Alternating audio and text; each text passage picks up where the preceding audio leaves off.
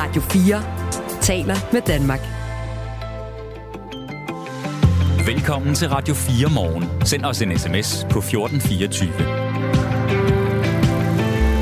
Og det er der en, der allerede har gjort. Godmorgen. Jeg har et meget stort ønske om, at I laver en podcast om situationen i England. Meget politisk interessant. Og I laver så meget god radio. Please. Oj, tak for en øh, dejlig øh, hjertevarm sms. Det er faktisk et meget godt programforslag i en tid, hvor vi jo har, siden radioen blev født, haft et program om Tyskland. England er et kapitel for sig, og det har også fyldt rigtig meget i den periode, hvor man kørte 6-7 sæsoner af det, der hed Brexit. Yeah. Men det er rigtig nok, det der er nu, er bestemt også øh, sådan politisk sprængfarligt. Vi skal nok øh, give en opdatering i hvert fald, eller det skal Morten Rønnelund nok gøre. Han følger britisk politik for, øh, for os her på Radio 4.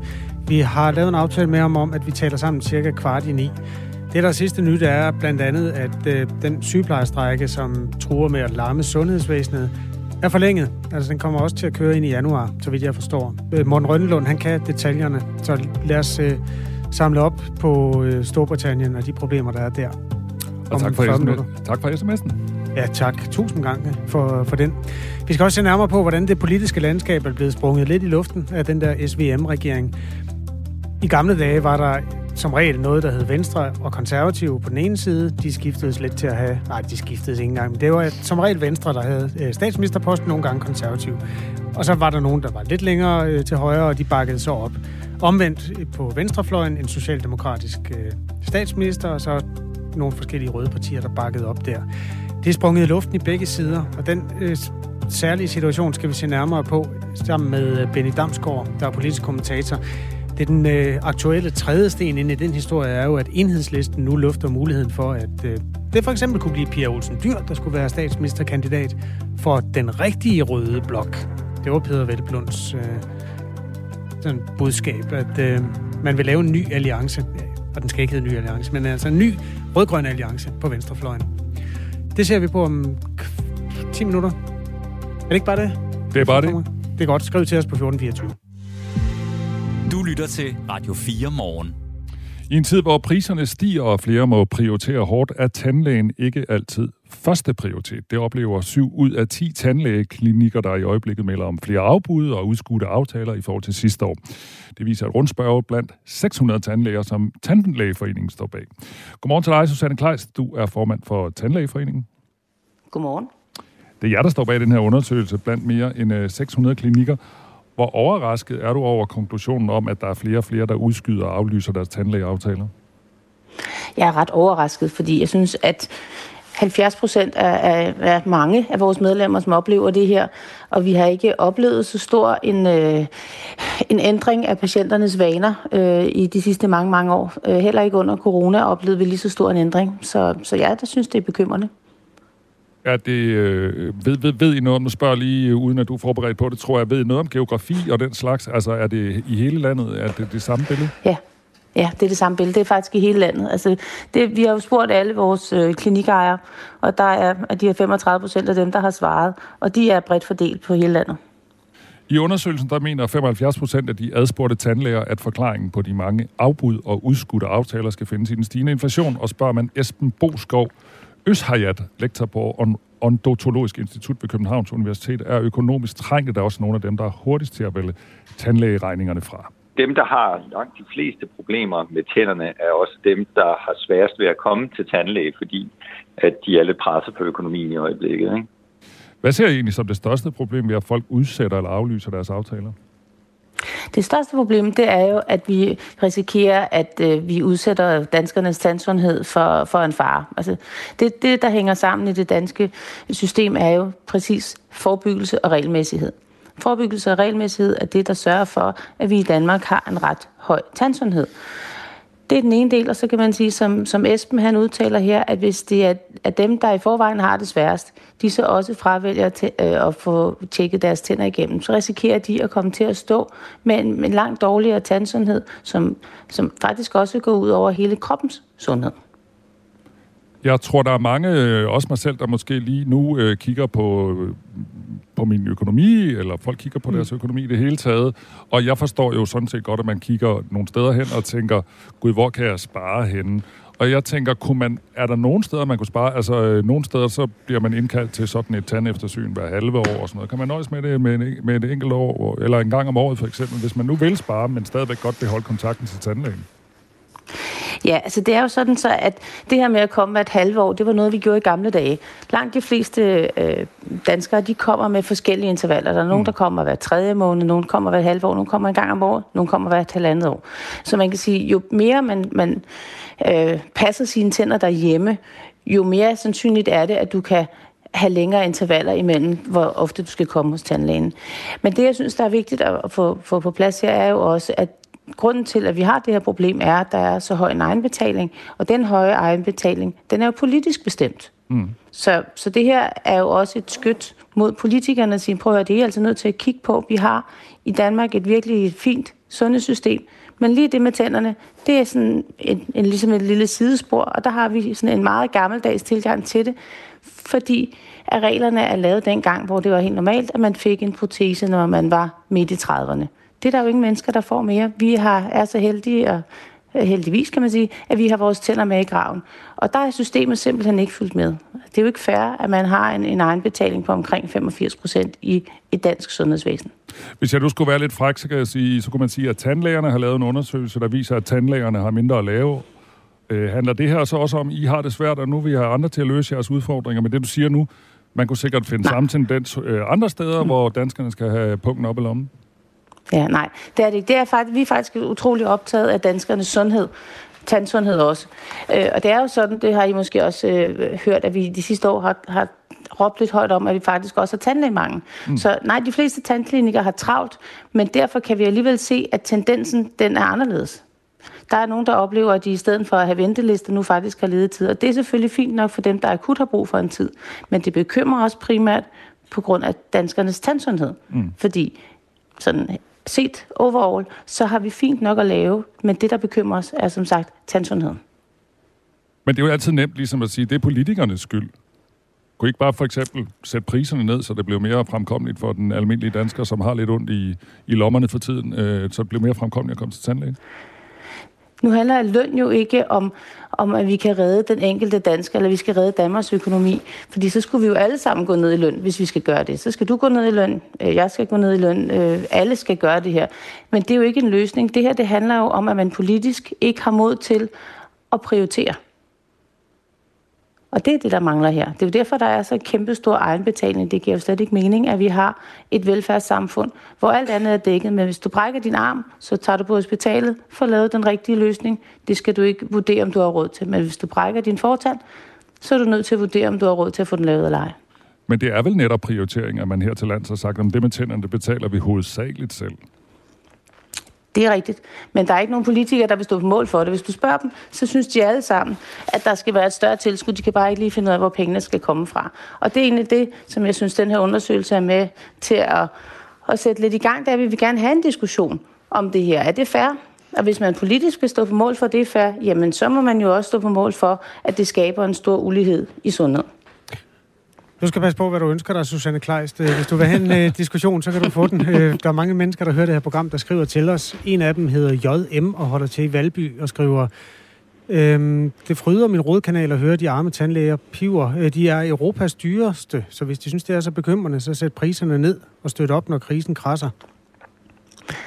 Altså svaret dertil er, at vi faktisk ikke Europas dyreste. Når det drejer sig om øh, undersøgelser og tandrensning, så er vi faktisk nogle af Europas billigste, fordi det betaler man stort set ikke noget for i Danmark, hvis der man, man sammenligner på tværs. Og det gælder også i Skandinavien. Men det er vel heller ikke det, der får folk til at blive hjemme, tror du?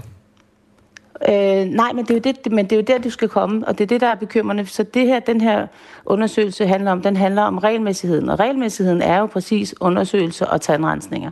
Og hvis du går regelmæssigt tand, til tandlæge, så får du også opdaget de sygdomme, der er på vej i tide, sådan som man i langt de fleste tilfælde kan nøjes med at forebygge og ikke behandle. Og så holder vi os nede i et prisleje, som er fuldstændig konkurrencedygtigt.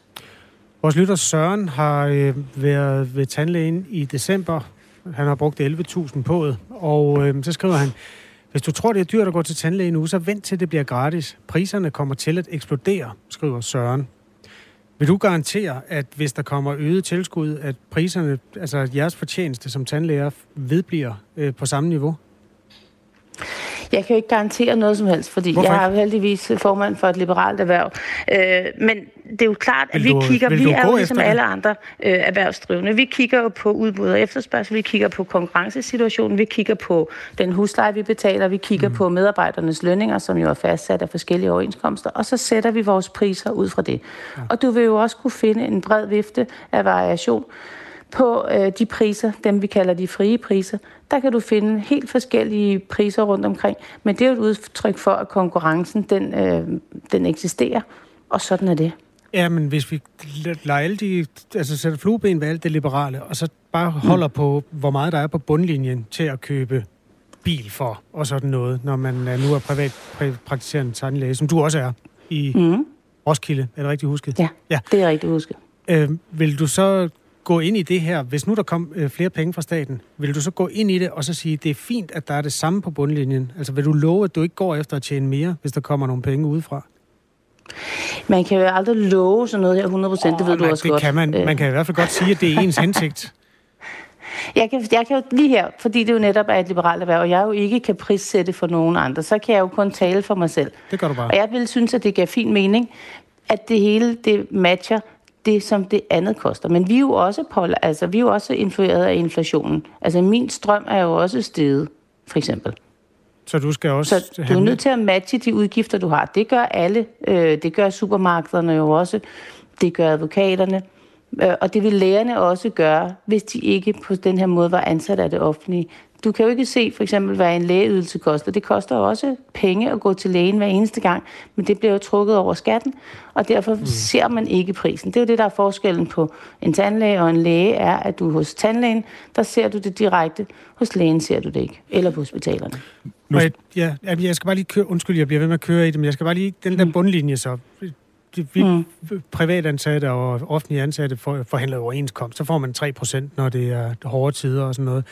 Altså, hvis nu du får 3% oven i din fortjeneste, så er det det, ikke også? Altså, der skal ikke komme flere penge, fordi der i, dit, i det her eksperiment, vi leger med, kommer flere penge fra staten.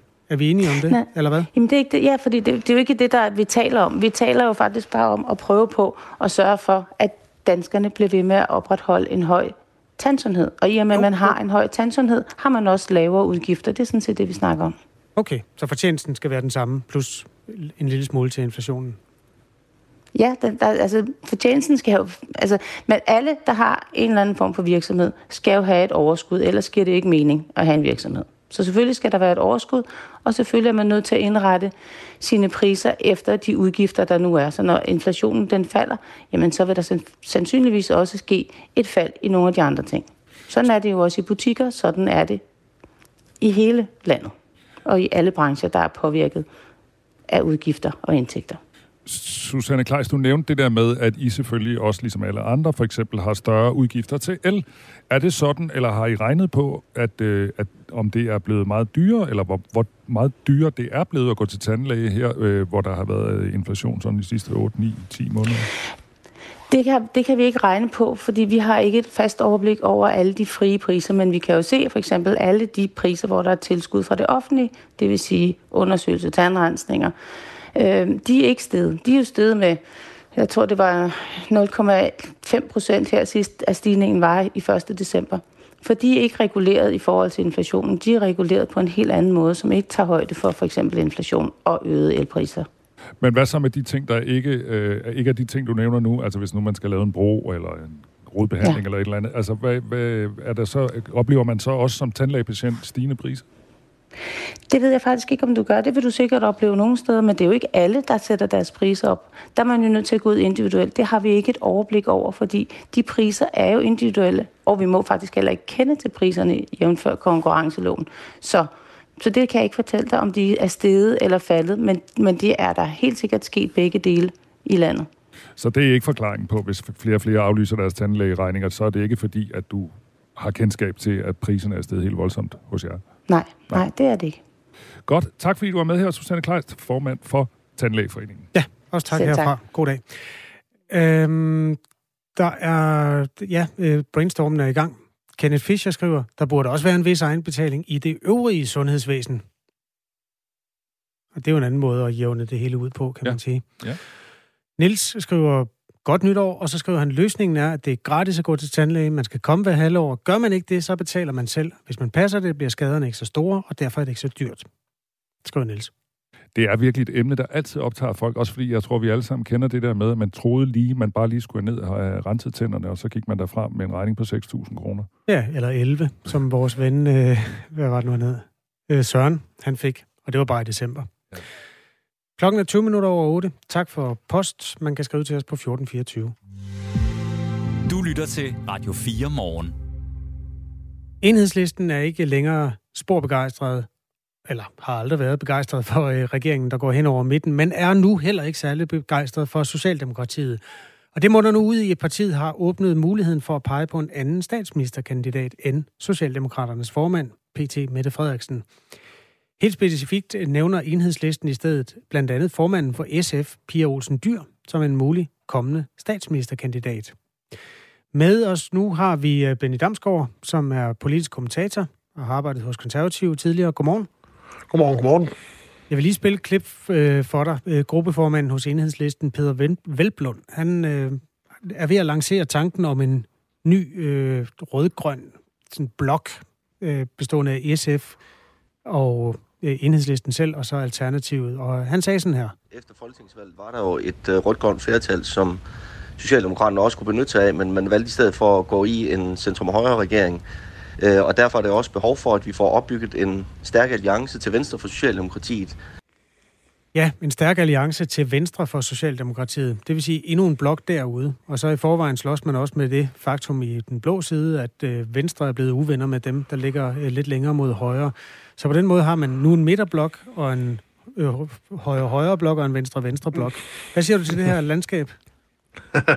ja, men du, øh, din... Øh din opsummering illustrerer jo meget godt udfordringen. Altså, der er jo en, øh, altså en, en helt ny situation i, i dansk politik, øh, hvor du for første gang i mange år har en, en flertalsregering, og så har du på hver side af den her flertalsregering øh, to små blokke, øh, som, øh, hvor frustrationen er stigende, og hvor, hvor begge blokke kan se frem til en lang periode uden nævneværdig indflydelse. Og det er især... Øh, noget, der har været hårdt for, for enhedslisten og, og også øh, til dels SF, fordi de, øh, da, da valgresultatet lå der, så de frem til en fortsættelse af de sidste fire år, hvor de har haft ganske betydelig indflydelse. Men det valgte Socialdemokratiet så se bort fra og, og gå i retningen af den flertalsregering, som det nu har. Så det er et, Altså det, man ser nu for, for enhedslisten, øh, det kommer aldrig til at ske. Altså øh, SF kommer ikke til at stille en statsministerkandidat, og der kommer ikke til at være opbakning til det. Men, men øh, enhedslisten skal gøre et eller andet for at gøre sig selv interessantere, for i det hele taget at, at få sat fokus på sig selv øh, og, og sit parti. Jeg var en tur på Pia Olsen Dyrs Twitter-konto, altså formanden hos SF, for at se, om hun eventuelt selv skulle have opdaget, at hun var blevet statsministerkandidat. uh, det havde hun ikke. Hun har skrevet god jul for et par dage siden, og så har hun skrevet noget om corona, men hun har, hun har ikke skrevet, at hun er blevet statsministerkandidat. Er, er det ikke lidt mystisk, altså, at uh, enhedslisten udråber hende til at være statsministerkandidat lige pludselig? Hun vil jo ikke engang. Altså, hvis der var øh, 90 mandater bag øh, Pia Olsen Dyr, øh, så vil hun sige ja til at blive øh, statsminister. Det, det tror jeg ikke, der er nogen diskussion om, men, men det kommer der ikke. Og, og SF er klog nok til ikke at, at hoppe med på den her galej og stille sig op øh, og blive, øh, blive statsministerkandidat på et, øh, på et grundlag, som, som er ikke eksisterende. Altså det er et projekt, der er dømt til at mislykkes. Men altså grunden til, at S, eller grunden til, at enhedslisten gør det, det er jo først og fremmest et udtryk for, at de er ekstremt frustrerede over, at de nu øh, går ind i en periode uden nævneværdig indflydelse i, i, i dansk politik og at de øh, gerne vil sende et signal til Socialdemokratiet om, at øh, det her, det, øh, det, det, det er de ikke glade for, og det her kommer til at koste. Og i den forbindelse skal man være opmærksom på også, at der er ikke meget, der tyder på, at øh, den her regering kommer til at, at køre perioden ud i sin nuværende konstellation. Fordi at hvis øh, Venstre, altså hvis Jakob Ellemann Jensen stadigvæk vil gøre sig forhåbning om at blive statsminister, så kan han kun blive det med de blå partier, og derfor skal han i givet fald, at han vælger at gå til valg næste gang med og som statsministerkandidat igen, så vil han skulle ud af regeringen på et eller andet tidspunkt i løbet af perioden og forsøge at genetablere den blå blok. Om han vælger at gøre det, ved vi ikke, men, øh, men det, det skal han i hvert fald gøre, hvis han, hvis han øh, vælger at blive øh, gå efter statsministerposten næste gang. Og så kan man sige, så kommer enhedslisten tilbage i spil igen for at sige, så er de afgørende for, at, at øh, Mette Frederiksen kan, kan i givet fald så kan, kan fortsætte som statsminister. Og, og så kan man jo i hvert fald tydeligt høre på, på enhedslisten i dag, at så, så er prisen for den støtte øh, gået op. Her til morgen har vi øh, forsøgt at få SF i tale, både formand Pia Olsen Dyr og også gruppeformand Karina Lorentzen Denhardt. Øh, Pia Olsen Dyr kunne vi ikke få fat i, øh, og øh, Lorentzen Denhardt vil ikke være med til et interview, men hun vil godt skrive en sms til os. Der står, at øh, partiet er enige med enhedslisten i, at der er behov for et stærkt samarbejde. Partiet håber dog stadig, at Socialdemokratiet bruger det røde flertal, og derfor øh, ønsker SF fortsat en rød regering med Mette Frederiksen i spidsen. Så det er formentlig dømt til at mislykkes, øh, det der. En anden indikator er, at det ikke har noget øh, sådan kæmpe gang på jorden, er, at der i alt er 30 mandater, hvis man tæller Alternativet og SF og Enhedslisten sammen. Det er så den røde-røde blok. Så er der den blå-blå blok, hvor man har øh, nye borgerlige, konservativ og liberal alliance, og så måske også Dansk Folkeparti. Det giver vist 35, hvis man tæller det hele med. Øhm, og den er jo lige så sprængt, fordi i Radio 4-programmet Det Blå Hjørne, der kunne man høre et folketingsmedlem fra Nye Borgerlige, Lars Borg Mathisen, fortælle, hvem han foretrækker som oppositionens statsministerkandidat. Men hvis jeg tale for min egen regning lige nu, så vil jeg faktisk sige, at den stærkeste kandidat, vi har i Danmark lige pt. det er Alex Vanslov. Ja, han vil have Alex Vandopslag, øh, som er på sådan størrelse med SF. Og, altså, er det et seriøst bud på en statsminister? Øh, det er nok mere seriøst end, øh, end Pia Olsen Dyr, men øh, realistisk er det ikke. Altså, du har fuldstændig ret i, at øh, den borgerlige blok er jo også øh, splittet i, i atomer. Der er ikke en, en enighed om, hvem der er, er leder af de rester af den borgerlige opposition, der er tilbage. Alex Vandersplak står i mange øjne som et, et godt bud på det, men traditionelt har man jo øh, valgt den øh, partileder, som, som realistisk kunne gå efter statsministerposten, og det kan Alex Vanopslag alt andet lige ikke. Hans parti er for yderliggående på den økonomiske politik, især til, at han vil kunne samle opbakning for 90 mandater. Men det er jo først og fremmest et udtryk for øh, den massive frustration, der også er i den borgerlige blok over, at øh, Venstre har valgt at, øh, at gå, gå egne veje at gå sammen øh, med, med Socialdemokratiet og Moderaterne. Så, så der vil være en, en lang genopbygningsperiode øh, i den borgerlige blok for eventuelt at kunne stille en, et, et alternativ, og uanset hvad, hvis man skal gøre sig forhåbninger om og, øh, at få øh, en anden statsminister end Mette Frederiksen, så vil Venstre skulle tilbage til den borgerlige blok. Øh, fordi uden deres mandater, så når man ikke op, eller ikke i nærheden af de, de 90. Og det er jo først og fremmest noget, Venstre selv skal beslutte, og så skal der også være opbakning blandt de andre partier til, at Venstre øh, kommer tilbage, og måske også til, at man vil forsøge at pege på Jakob Ellemann, på trods af, af det, han har gjort nu øh, ved næste gang. Så altså, grundlæggende så kan man sige, at at øh, den her regering, øh, statsministeren, tror jeg godt, man kan sige, har i hvert fald med den her regeringsdans opnået at sprænge øh, oppositionen på begge sider af regeringen til atomer. Og det er alt andet lige en ganske fordelagtig forhandlingssituation, man så øh, står overfor, nu når man skal i gang med at, at forsøge at få tingene til at køre herover de næste, de næste år. Jeg starter lidt stopur, Benny Damsgaard, fordi vi har kun et minut til det sidste spørgsmål her. Det er fint. Hvor lang tid lever den nuværende regering, og hvad sker der, når den vælter? Altså bliver der så folketingsvalg, eller hvad? Øh, for at tage det sidste først, ikke nødvendigvis nej. Altså, øh, som jeg nævnte før, så hvis Venstre øh, skal gøre sig forhåbning om at, at stille en statsministerkandidat til, til næste valg, skal de ud af regeringen. Og det sker sandsynligvis i løbet af et, et par år eller noget i den stil, øh, om øh, hvis de vælger at, at gøre det.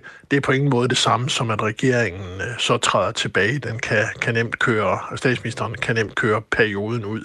Men altså, vi ser, vi ser ind i et par stabile år, øh, et til to stabile år i dansk politik, og derefter så kan det godt blive ganske festligt. okay. Nå, jamen så er der mulighed for, at vi får den der SM-regering. Det lød så godt, da det var oppe og vende i, ja. i valgkampen. Tak for analysen, øh, Benny Damsgaard. Ha' en god dag. Velbekomme. Velbekomme. Tak lige måde. Tidligere kommunikationschef hos Konservativ Folkeparti og nu politisk kommentator Benny Damsgaard. Og vi har ikke alene, fordi i dag der er det Anne Philipsen, der står for nyhederne, og klokken er halv ni. Nu er der nyheder på Radio 4. Antallet af børn, der vokser op med forældre på kontanthjælp, er det laveste i 22 år. Det viser en ny analyse fra Arbejderbevægelsens Erhvervsråd, skriver DR. I sommeren 2022 var det ca. 35.000 børn, der levede, hvor mindst en af de voksne i husstanden var på kontanthjælp. Det er en halvering på fem år.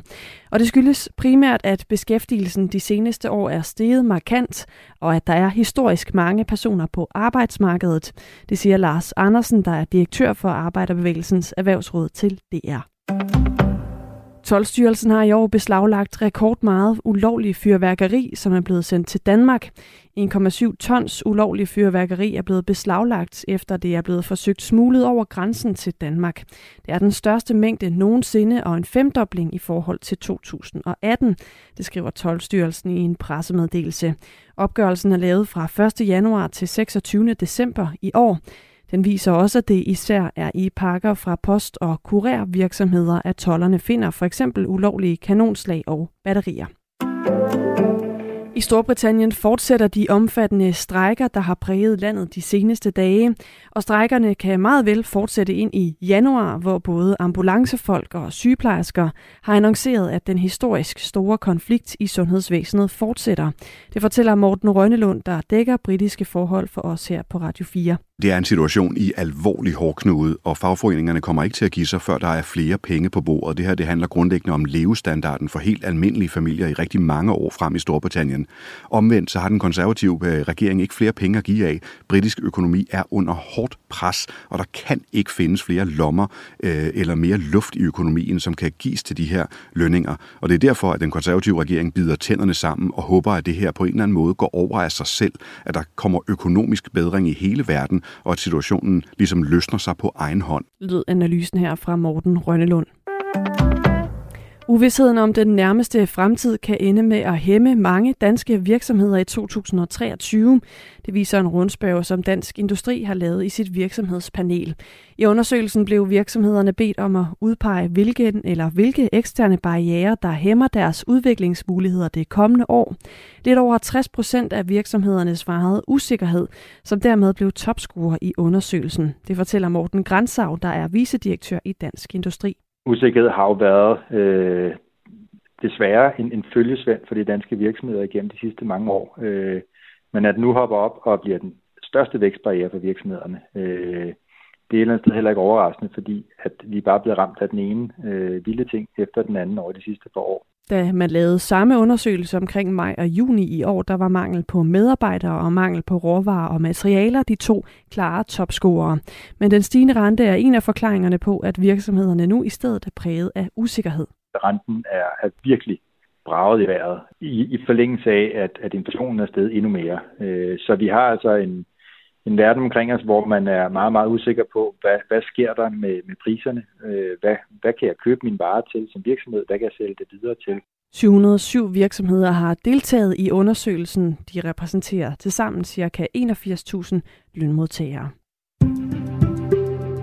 Vi er i gang med en dag med skyet vejr, udbredt regn, ud på dagen en, mul- en smule opklaring med stedvis lidt sol, men stadig også risiko for byer. Temperaturer mellem 4 og 8 graders varme, og så får vi en jævn til hård vind fra syd og sydvest. Ved kysterne kan man stedvis få frisk til hård vind, melder DMI. Det var nyhederne halv ni her på Radio 4 med Anne Philipsen i studiet. Du lytter til Radio 4 morgen. Husk, du kan skrive en sms til os på 1424. Og for et øjeblik siden, der havde vores gode kollega Anne Philipsen Morten Rønnelund med, som er journalist og følger udviklingen i Storbritannien for os på Radio 4. Han uddyber om 7-8 minutter. Radio 4 taler med Danmark. I sommeren i år var der ca. 35.000 børn, der havde mindst en af deres forældre, som var på kontanthjælp. Det er en halvering på fem år. og det er det hidtil laveste i dette årtusind, viser en ny analyse fra Arbejderbevægelsens Erhvervsråd. Chefanalytiker Emilie Agner Dam, som har lavet den her analyse, mener, at årsagen primært er det økonomiske opsving, og det opsving, vi har set på arbejdsmarkedet de seneste år. Altså, der er simpelthen kommet flere og flere i beskæftigelse. Og det er også en øh, udvikling, der er kommet kontanthjælpsmodtagerne til gode. Johannes Schmidt Nielsen er generalsekretær i Red Barnet. Godmorgen. Godmorgen. Chefanalytikeren her, Emilie Agner Dam fra Arbejderbevægelsens Erhvervsråd, som har lavet analysen, kalder det en ren succeshistorie. Er du enig? Ja, det er jo simpelthen rigtig positivt, at flere mennesker er i arbejde, fordi arbejdsløsheden jo er så lav, som den er nu. Og i et børneperspektiv er det rigtig godt, når forældrene kommer, kommer i arbejde, fordi man jo typisk lever i fattigdom, når man har forældre på, øh, på kontanthjælp. Så det er rigtig godt. Og som AI-rådet også skriver i deres analyse, så er hovedforklaringen jo, at ledigheden simpelthen er så lav, at også nogle af dem, som har haft rigtig svært ved at komme ind på arbejdsmarkedet, de, øh, de har fået en chance for at få foden ind. Men det ændrer jo så bare ikke på, som AI-rådet jo også skriver i deres analyse, at der fortsat er omkring 50.000 børn i Danmark, som lever i fattigdom med de øh, voldsomme konsekvenser, det nu engang har. Altså øh, øh, øh, ikke mindst lige nu, hvor, hvor energi- og fødevarepriserne er eksploderet, som vi jo alle sammen ved, at, at de er.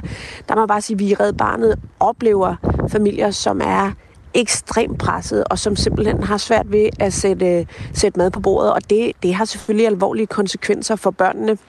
Vi ved fra forskningen på området, at øh, det, at man som barn lever i fattigdom, øh, betyder øget risiko for mistrivsel, både psykisk og, og fysisk, og i øvrigt kan trække spor langt ind i, i voksenlivet. Så det, så det er en god nyhed, at færre er på kontanthjælp, også for børnene, men det ændrer ikke på, at der er en stor gruppe børn, som lever i fattigdom, og det skal vi have gjort noget ved.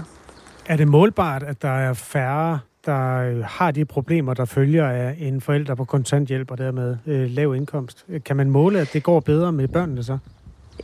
Ja, altså, øh, øh, ja, altså, hvad kan man sige, antallet af børn, der lever i fattigdom, øh, følger jo øh, øh, altså har jo en tæt sammenhæng med antallet af voksne, som er på kontanthjælp. Der er selvfølgelig en sammenhæng. Og det, som så også er målbart, er, at børns trivsel påvirkes meget betydeligt af at leve i fattigdom. Altså for eksempel lavede VIVE, forskningsinstitutionen VIVE, en undersøgelse i 2021, altså før energi- og fødevarepriserne steg, øh, af de allerfattigste kontanthjælpsmodtagere. Den undersøgelse viste, at der i den gruppe øh, er meget voldsom afsavn. Altså omkring halvdelen af børnene øh, har ikke mulighed for at deltage i fritidsaktiviteter. Øh, der er faktisk også en relativt stor gruppe af forældrene, som har været nødt til at fravælge receptpligtig medicin ja. øh, til børnene Men det er de og negative, måltider Det er over. de negative ting. Nu var vi lige ved de positive. Okay, så misforstod jeg dit spørgsmål. Ja, det er klart, at når der er færre øh, øh, voksne mennesker på kontanthjælp, så er der også færre børn, der lever i fattigdom, og det er rigtig godt.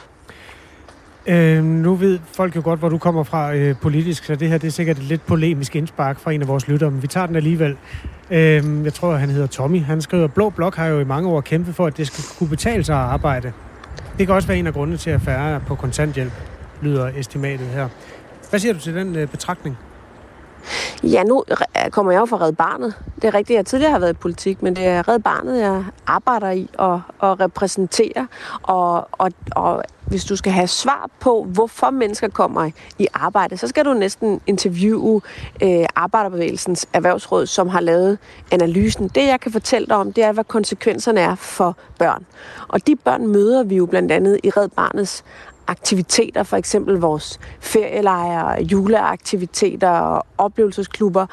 Og man må sige ikke mindst lige nu, hvor alle jo mærker blandt andet de stigende fødevarepriser, men hvor de kontanthjælpsfamilier, øh, som jo ikke har noget fedt at skære fra, i allerhøjeste grad mærker, der må man sige, vi, vi, vi ser nogle meget, meget pressede familier derude, altså blandt andet øh, forældre, som, som faktisk har svært ved at sætte råd på, øh, mad på bordet, eller som øh, vælger deres egen medicin fra, eller trapper den ned.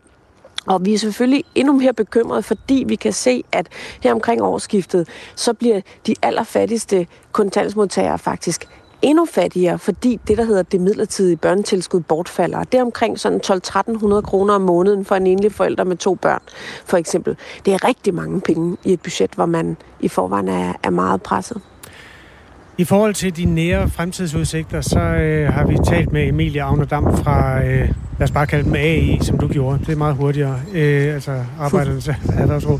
Øh, chefanalytikeren der, øh, du godeste, hvor det blæser, i øvrigt, Johannes Schmidt Nielsen. Øh, okay, jeg prøver at gå i lag her. Det er for at undgå mine egne børn, der larmer indenfor. Så jeg tænkte, du kunne vælge mellem blæst eller børn. Jeg vælger børnene, så det larmer, larmer meget. Øh, vi tager lige et lille pip med chefanalytikeren. Hun siger sådan her. Desværre så går mange også økonomer jo og venter lidt på, at der kommer en krise, og dermed også, at tiderne vender på arbejdsmarkedet, altså at beskæftigelsen vil falde. Og det vil formentlig betyde, at øh, det her fald i antallet af børn med forældre på kontanthjælp ikke vil blive ved. Øhm, der vil formentlig komme en stigning i antallet af kontanthjælpsmodtagere, når arbejdsløsheden stiger, og det vil også betyde flere børn, der har forældre på kontanthjælp. Kan man berede sig på den type krise, Johannes Schmidt Nielsen, når man har et, et samfund, hvor der er 50.000 under øh, fattigdomsgrænsen? Altså, er der noget, man kan gøre, udover at sende penge? Ja, altså man, man burde jo gøre i hvert fald to ting lige nu. Altså det, det rigtig gode spørgsmål er selvfølgelig, hvad gør man for at få de allermest udsatte øh, borgere i arbejde? Og, og, og mange af de familier, som kommer i vores aktiviteter, øh, altså Red Barnets aktiviteter, de har jo også andre problemer end ledighed, altså for eksempel øh, psykisk sygdom. Men det vi jo i hvert fald ved, det er, at det går ud over børnene at være i fattigdom. Altså, det har voldsomme konsekvenser for deres trivsel, også på, på lang sigt. Vi ved fra forskningen, at bare et enkelt år i, øh, i fattigdom øh, trækker livslange spor ind i voksenlivet og for eksempel betyder ringere tilknytning til, til arbejdsmarkedet og uddannelse og dårligere eller større risiko for psykisk og, og fysisk mistrivsel. Og derfor er det også så vigtigt, at der bliver gjort noget ved fattigdommen. Og du siger, hvad kan man gøre andet end økonomi? Men det er jo, det er jo svært at, at bekæmpe fattigdom, hvis ikke man vil bruge nogle penge på det. Og de her familier har i allerhøjeste grad brug for at få noget mere at leve af, simpelthen. Øh, og som øh, socialrådgivernes øh, øh, formand, øh, Signe Færk, også har været ude at sige, så betyder den her fattigdom også, at familierne bliver øh, så, så øh, hvad man siger, er så hårdt at kæmpe med ikke at kunne betale husleje, eller ikke at kunne sætte mad på bordet, eller ikke at kunne betale sin medicin, at, øh, at det faktisk er svært at gøre noget ved alle de andre problemer, som måske også står i vejen for at komme, øh, for at komme i arbejde. Sagde Johannes Schmidt Nielsen. Tak fordi du var med her. Selv tak. Generalsekretær i Red Barnet. Klokken er 8.42. Det her er Radio 4 morgen. Strækkerne i Storbritannien kommer til at løbe ind i januar, for både sygeplejersker og ambulancefolk har annonceret, at den historisk store, store konflikt i sundhedsvæsenet fortsætter. Godmorgen Morten Rønnelund, du er journalist, og vi ringer til dig, når vi skal blive lidt klogere på øh, Storbritannien. Godmorgen Michael. Strækkerne i Storbritannien har stået på siden starten af december, og nu hører vi så, at de fortsætter ind i januar. Er der overhovedet nogen udsigt til, at konflikten bliver løst? Ikke sådan umiddelbart. Altså, det er blevet mere og mere hårdknudet i løbet af december, hvor der har været strækker på forskellige områder nærmest hver eneste dag, og der er annonceret flere strækker i januar, og der lader ikke til at være nogen, der har rykket sig på noget som helst punkt, eller givet nogen som helst form for åbninger i løbet af øh, de uger, der er øh, gået. Sidst vi snakkede om det op til jul, øh, da transportmedarbejderne øh, nedlagde arbejdet, der var premierminister Rishi Sunak ude at sige, vi holder os øh, til de anbefalinger, der er kommet fra øh, diverse grupperinger om, hvordan lønnen bør stige. Og ganske få timer senere, så kom sygeplejerskerne med deres melding om, jamen så fortsætter vi i januar. Du sagde lige, det spredte sig. Lad os lige få, øh, eller bredt sig. Du, lad os lige få styr på det. Vi har mest hørt om sygeplejersker og ambulancefolk. Er der andre, der strækker? I dag der er det grænsevagter og en hel masse mennesker i øh, øh, de forskellige øh, togselskaber rundt omkring i hele øh, Storbritannien. Og det er især transportområdet, der har været ramt hen over julen og også bliver ramt hen over øh, nytåret. Når det er øh, ambulancefolk og sygeplejersker, så er det lidt mere nålestiksagtigt, altså to hårde dage, hvor mange går, og man ved det i god tid i forvejen, fordi der er et andet nødberedskab, der skal i spil, når det er på sundhedsområdet. Øh, så derfor er det det, der har, har fyldt meget i de sidste par uger, det har været især øh, transportområdet. Vi har hørt, at sygeplejerskerne er utilfredse med de varslede lønstigninger. De vil have meget mere. Er det det samme med de her øh, transportansatte, du nævner nu? Det er det samme hele vejen rundt. Det, det handler om, hvad for en levestandard man har som ganske almindelig middelklasse britte i mange år frem. Så det er ikke bare sådan endnu en runde af, af lønkamp, hvor vi vil følge de private eller noget. Der er rigtig meget på spil, øh, og det er også en meget stor gruppe af befolkningen, som, øh, som er repræsenteret i de her øh, strækker, og de er jo så gift med andre, der typisk også er repræsenteret af sygeplejersker og togpersonale. Altså det er 100.000 vis af, af mennesker, så de udgør også en del af befolkningen, og de mærker altså presset fra, fra økonomien økonomien. Så det er ikke luksus, det her, det er overlevelse. Kan vi blive i vores hus simpelthen i 2023? Tidligere øh, i december, der hørte vi, at der var ret stor opbakning faktisk til de her strækkende. Hvordan ser det ud nu? Det lader der til stadig at være, selvom man har generet befolkningen ret voldsomt hen over jul, og det er ellers noget, der kan bringe sindene i kog øh, på transportområdet især, det der med at komme hjem til familien, jamen så er der ikke endnu i hvert fald sådan for alvor utilfredshed i befolkningen imod de strækkende. Øh, men igen, måske også fordi, at det er en stor del af befolkningen selv, der er de strækkende, så de har ligesom deres egen støtte i sådan en mm. catch-22-agtig situation. Så forløbig er, lader der til at være støtte til, øh, til de strækkende, fordi alle britter mærker øh, den her økonomiske situation og ved, hvad det er, der strækkes for. Hvilke konsekvenser har det egentlig for det britiske samfund, altså, øh, øh når der er så, så stor en strække? Jamen, det betyder selvfølgelig, at der er rigtig meget, der går i stå. Så kan man sige, at britterne, ligesom mange andre samfund, er blevet ret gode til at arbejde hjemmefra. Det gør dog noget i forhold til, øh, til transport. Men der er nogle, øh, nogle skarpe situationer, også på sundhedsområdet, hvor, hvor folk de, de ligger i ambulancer uden for hospitaler i over et døgn og venter på at komme ind. Og det er jo sådan noget, der i sidste ende kan koste liv. Mm. Ikke at der er konstateret en til en, at det er det, der er sket, men det er sådan nogle situationer, der i hvert fald øh, øh kan gå hen og blive sådan forholdsvis øh, skarpe og kritiske. Som jeg husker det, så er sygeplejerskerne i hvert fald blevet tilbudt sådan noget, en lønstigning på en 4-5 procent, og de vil gerne op i nærheden af 20 procent. Nu er jeg ikke stiv i det britiske arbejdsmarked, men hvor ligger de her forhandlinger henne, og forhandles der overhovedet?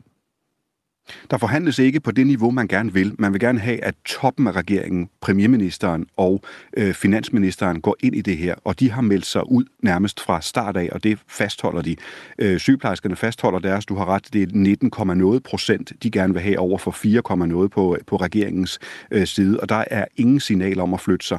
Tværtimod har regeringen sagt, vi holder os til det, som de uafhængige grupper har lavet af beregninger om, hvad lønnen bør stige Problemet ved det er, at de beregninger er lavet før inflationen stak af. Og den, øh, det, det, det lille twist om, hvad man så skal gå med, det er man slet ikke enige om mellem parterne. Nu nævnte du øh, premierminister Rishi Sunak, og han er jo sådan rimelig ny i stolen. Altså, hvordan ser hans liv ud med, med de her strækker? Altså, er han under pres?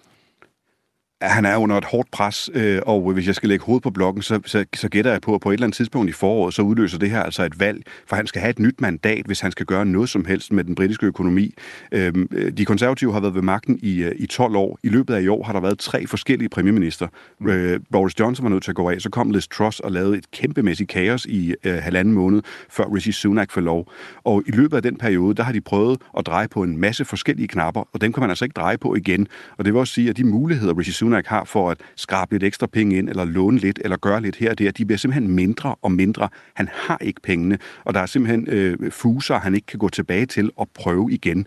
Øh, så, så det er svært at se en udvej for ham. Problemet er bare, at i samme øjeblik, de konservative udskriver valg lige nu, så taber de formentlig historisk stort. Det er i hvert fald sådan, meningsmålingerne ser ud. Så han er i en helt umulig situation. Skal vi ikke hjælpe ham lidt? Hvilken løsning ser du på den her konflikt?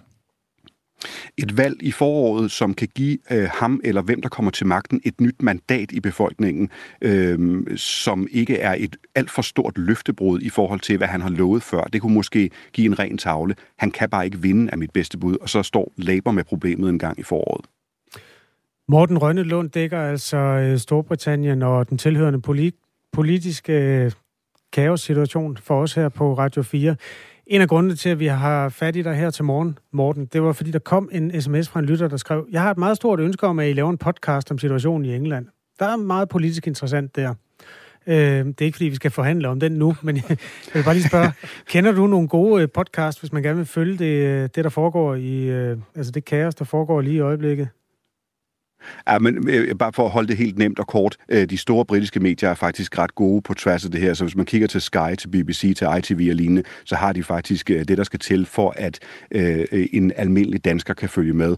Øh, jeg skal lige øh, hen i gemmerne og finde de korrekte titler, hvis vi skal ned i det mere nørdede af stoffet. Men forløbet, der, be, der befinder vi os op på et niveau, hvor, hvor øh, gå efter de, de, de store på, på BBC, Sky og lignende, så, øh, så, er du, øh, så er du godt hjulpet. Og du har ret, der er grund til, at vi holder øje med det, fordi de ingredienser, der er i den britiske krise, det er de samme ingredienser, der er i vores økonomi. De er bare værre i Storbritannien. Så det er sådan en slags fortrop af, hvad der kan ske en til en, hvis vi kommer i lignende situationer.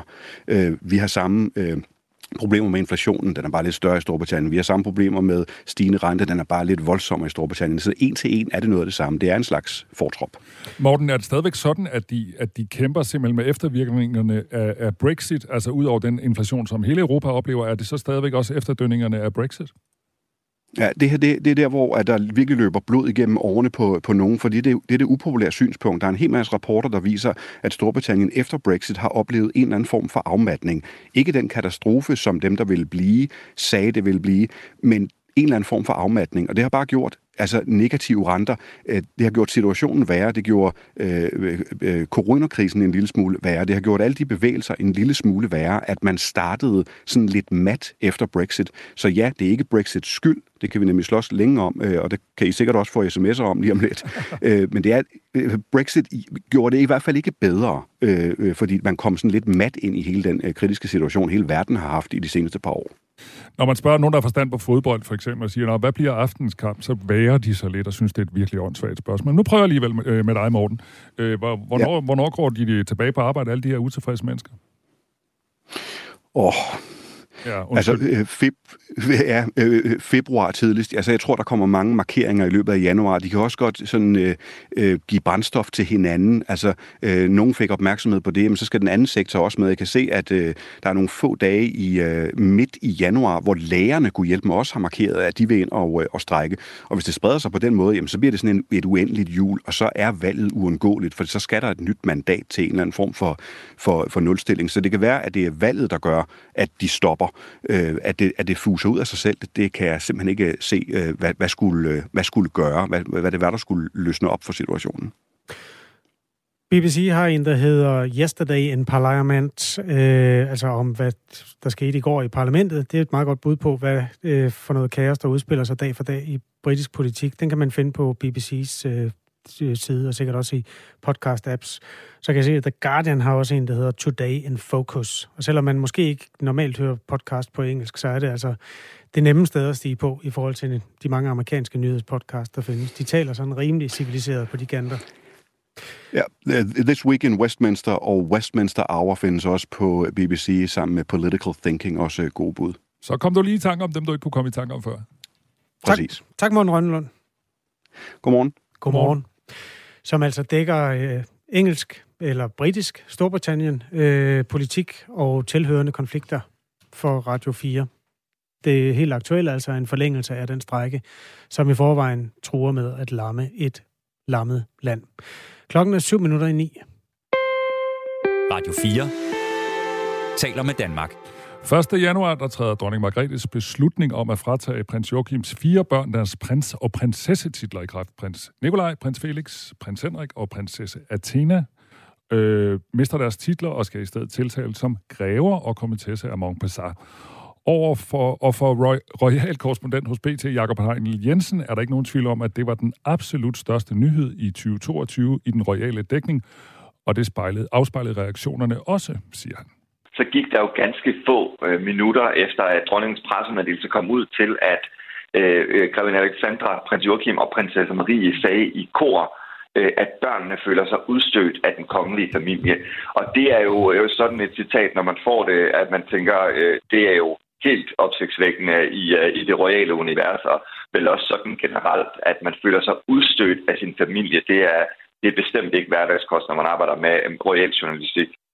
Det er på søndag, altså 1. januar, at titlerne bliver ændret for prins Joachims børn, og derfor er det et anderledes år, som prins Joachims del af den kongelige familie går i møde, det siger Jakob Heinel Jensen. Det betyder en hel række ting. Altså her den 1. januar, der, øh, der vil de ikke længere, øh, øh, der vil selvfølgelig ikke længere have deres, hvad skal man sige, fulde navn, det der har stået i deres pas, siden de blev født. Altså prins Nikolaj står der ikke længere.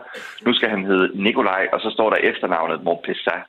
Øh, og så er der jo også nogle, øh, nogle, nogle andre ting, for eksempel deres, øh, deres diplomatiske øh, status, øh, øh, som også øh, øh ophører. Øh, der er jo sådan nogle helt specielle regler, der gælder for øh, medlemmer af den kongelige familie. De kan ikke blive straffet og sådan nogle ting. Og, og de ting ophører også. Man kan så sige, i praksis, der betyder det ikke voldsomt meget, fordi at dronningen sådan historisk set egentlig har ment, at sådan noget som lad os nu sige, at prins Nikolaj han øh, ligger og kører alt, alt, alt for hurtigt i en bil, jamen øh, så vil han få en fartbøde alligevel. Det er der ligesom sådan en præcedens for i den kongelige familie, og det gør sig egentlig også gældende for kronprinsesse Mary eller kronprins Frederik. Øh, så selvom at den er der sådan formelt, den der øh, buffer, hvis man skulle øh, lave et eller andet, øh, der går imod loven, så er det ikke rigtig noget, der bliver brugt i praksis. Så jeg vil sige, at den største del øh, for øh, det, det, der betyder mest for dem, det er nok det der med, at de ikke længere har den der særstatus, at de altså øh, er nogle af de eneste i Danmark, der bare kun har et fornavn og ikke noget efternavn. Det stopper den 1. januar. Og selvom det officielt kun er titlerne, som bliver taget fra prins Joachims børn, så handler det ifølge Jakob Heinel Jensen også om den kongelige familie som helhed. At det er jo den, måske ikke kun følelsen af, at man ikke er prins længere, men vi skal jo lige huske, hvad det var, de sagde til at starte med, at de føler sig udstødt af den kongelige familie. Mm. Og den her krise handler ikke øh, handler jo egentlig ikke så meget længere om den titel. Det handler mere om følelsen af, at de ikke føler sig en del af familien. Og det var jo også derfor, at, øh, at sagen den ligesom eksploderede mellem hænderne på kongehuset, fordi det stod temmelig klart, at det var sådan, de havde det med den her beslutning. Altså symbolet i, at I ikke længere er en del af det fine selskab, I ikke længere er en del af os. Det er det, der ligesom sat gang i hele konflikten, som jo også gjorde, at, at, at øh, nu spillede du klippet fra Ekstrabladet mm. med prins Joachim, øh, der, øh, der, der udtalte sig, og, og senere så gik øh, øh, prins Joachim og prinsesse Marie, mødte, mødtes jeg også med dem i en, i en park i Paris, hvor de, hvor de uddybede deres kritik, og jo rent faktisk også sagde de pludselig,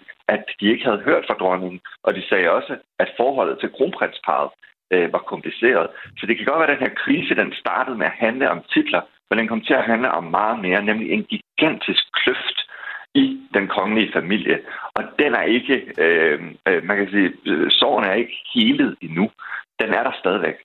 Sådan lød det fra BT's royale korrespondent Jakob Heinel Jensen. Et af argumenterne for at fratage titlerne har været, at hendes majestæt dronning Margrethe har haft et ønske om at skabe rammerne for, at hendes fire børnebørn i langt højere grad selv skal kunne forme deres egen tilværelse, uden at være begrænset af de her særlige hensyn og forpligtelser, der følger med et formelt tilhørsforhold til kongehuset. Tre minutter i ni er klokken. Du lytter til Radio 4 morgen. Kinas sundhedsvæsen kører heller ikke for godt i øjeblikket, men overstrømmes på nogle hospitaler af coronapatienter.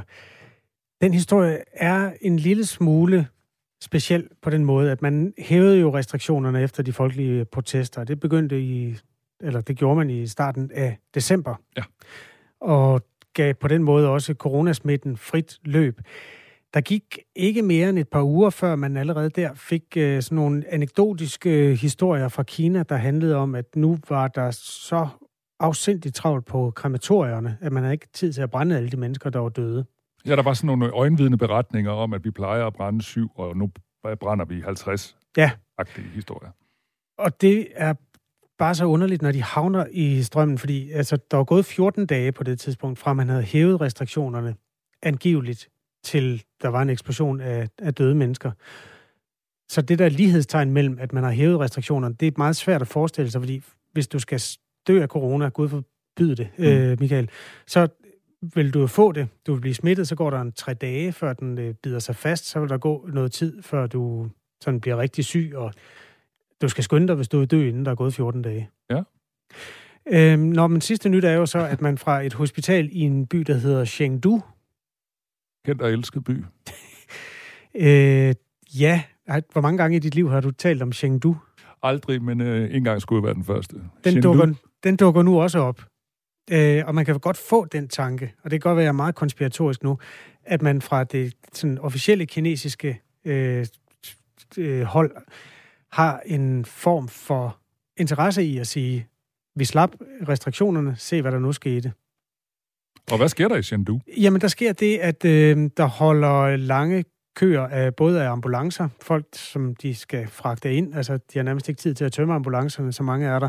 Og der står folk i lange køer mellem øh, hospitalet og en nærliggende klinik, hvor folk øh, altså kommer, fordi de er altså nærmest ikke kan trække vejret. Mange af dem, der kommer for ilt, så går der så øh, mennesker klædt i beskyttelsesdragter og dækket til efter alle kunstens regler, og giver ilt til de her mennesker, som angiveligt øh, er døden nær. Og uanset om det er en historie, som vi får af den ene eller den anden grund, så er det jo en dybt uh, tragisk situation. Mm. Og meget sjældent, at den slags nyheder slæber ud fra Kina. Ja. Men du tænker måske, at det også er en historie, der er i kinesernes interesse, altså det kinesiske styre? Det tænkte jeg bare. Men nogle gange skal man lade være med at tænke for langt. Vi øh, mødes igen i morgen kl. 6. Det gør 6. vi. Ring til Radio 4 om 5 minutter. Klokken er 9.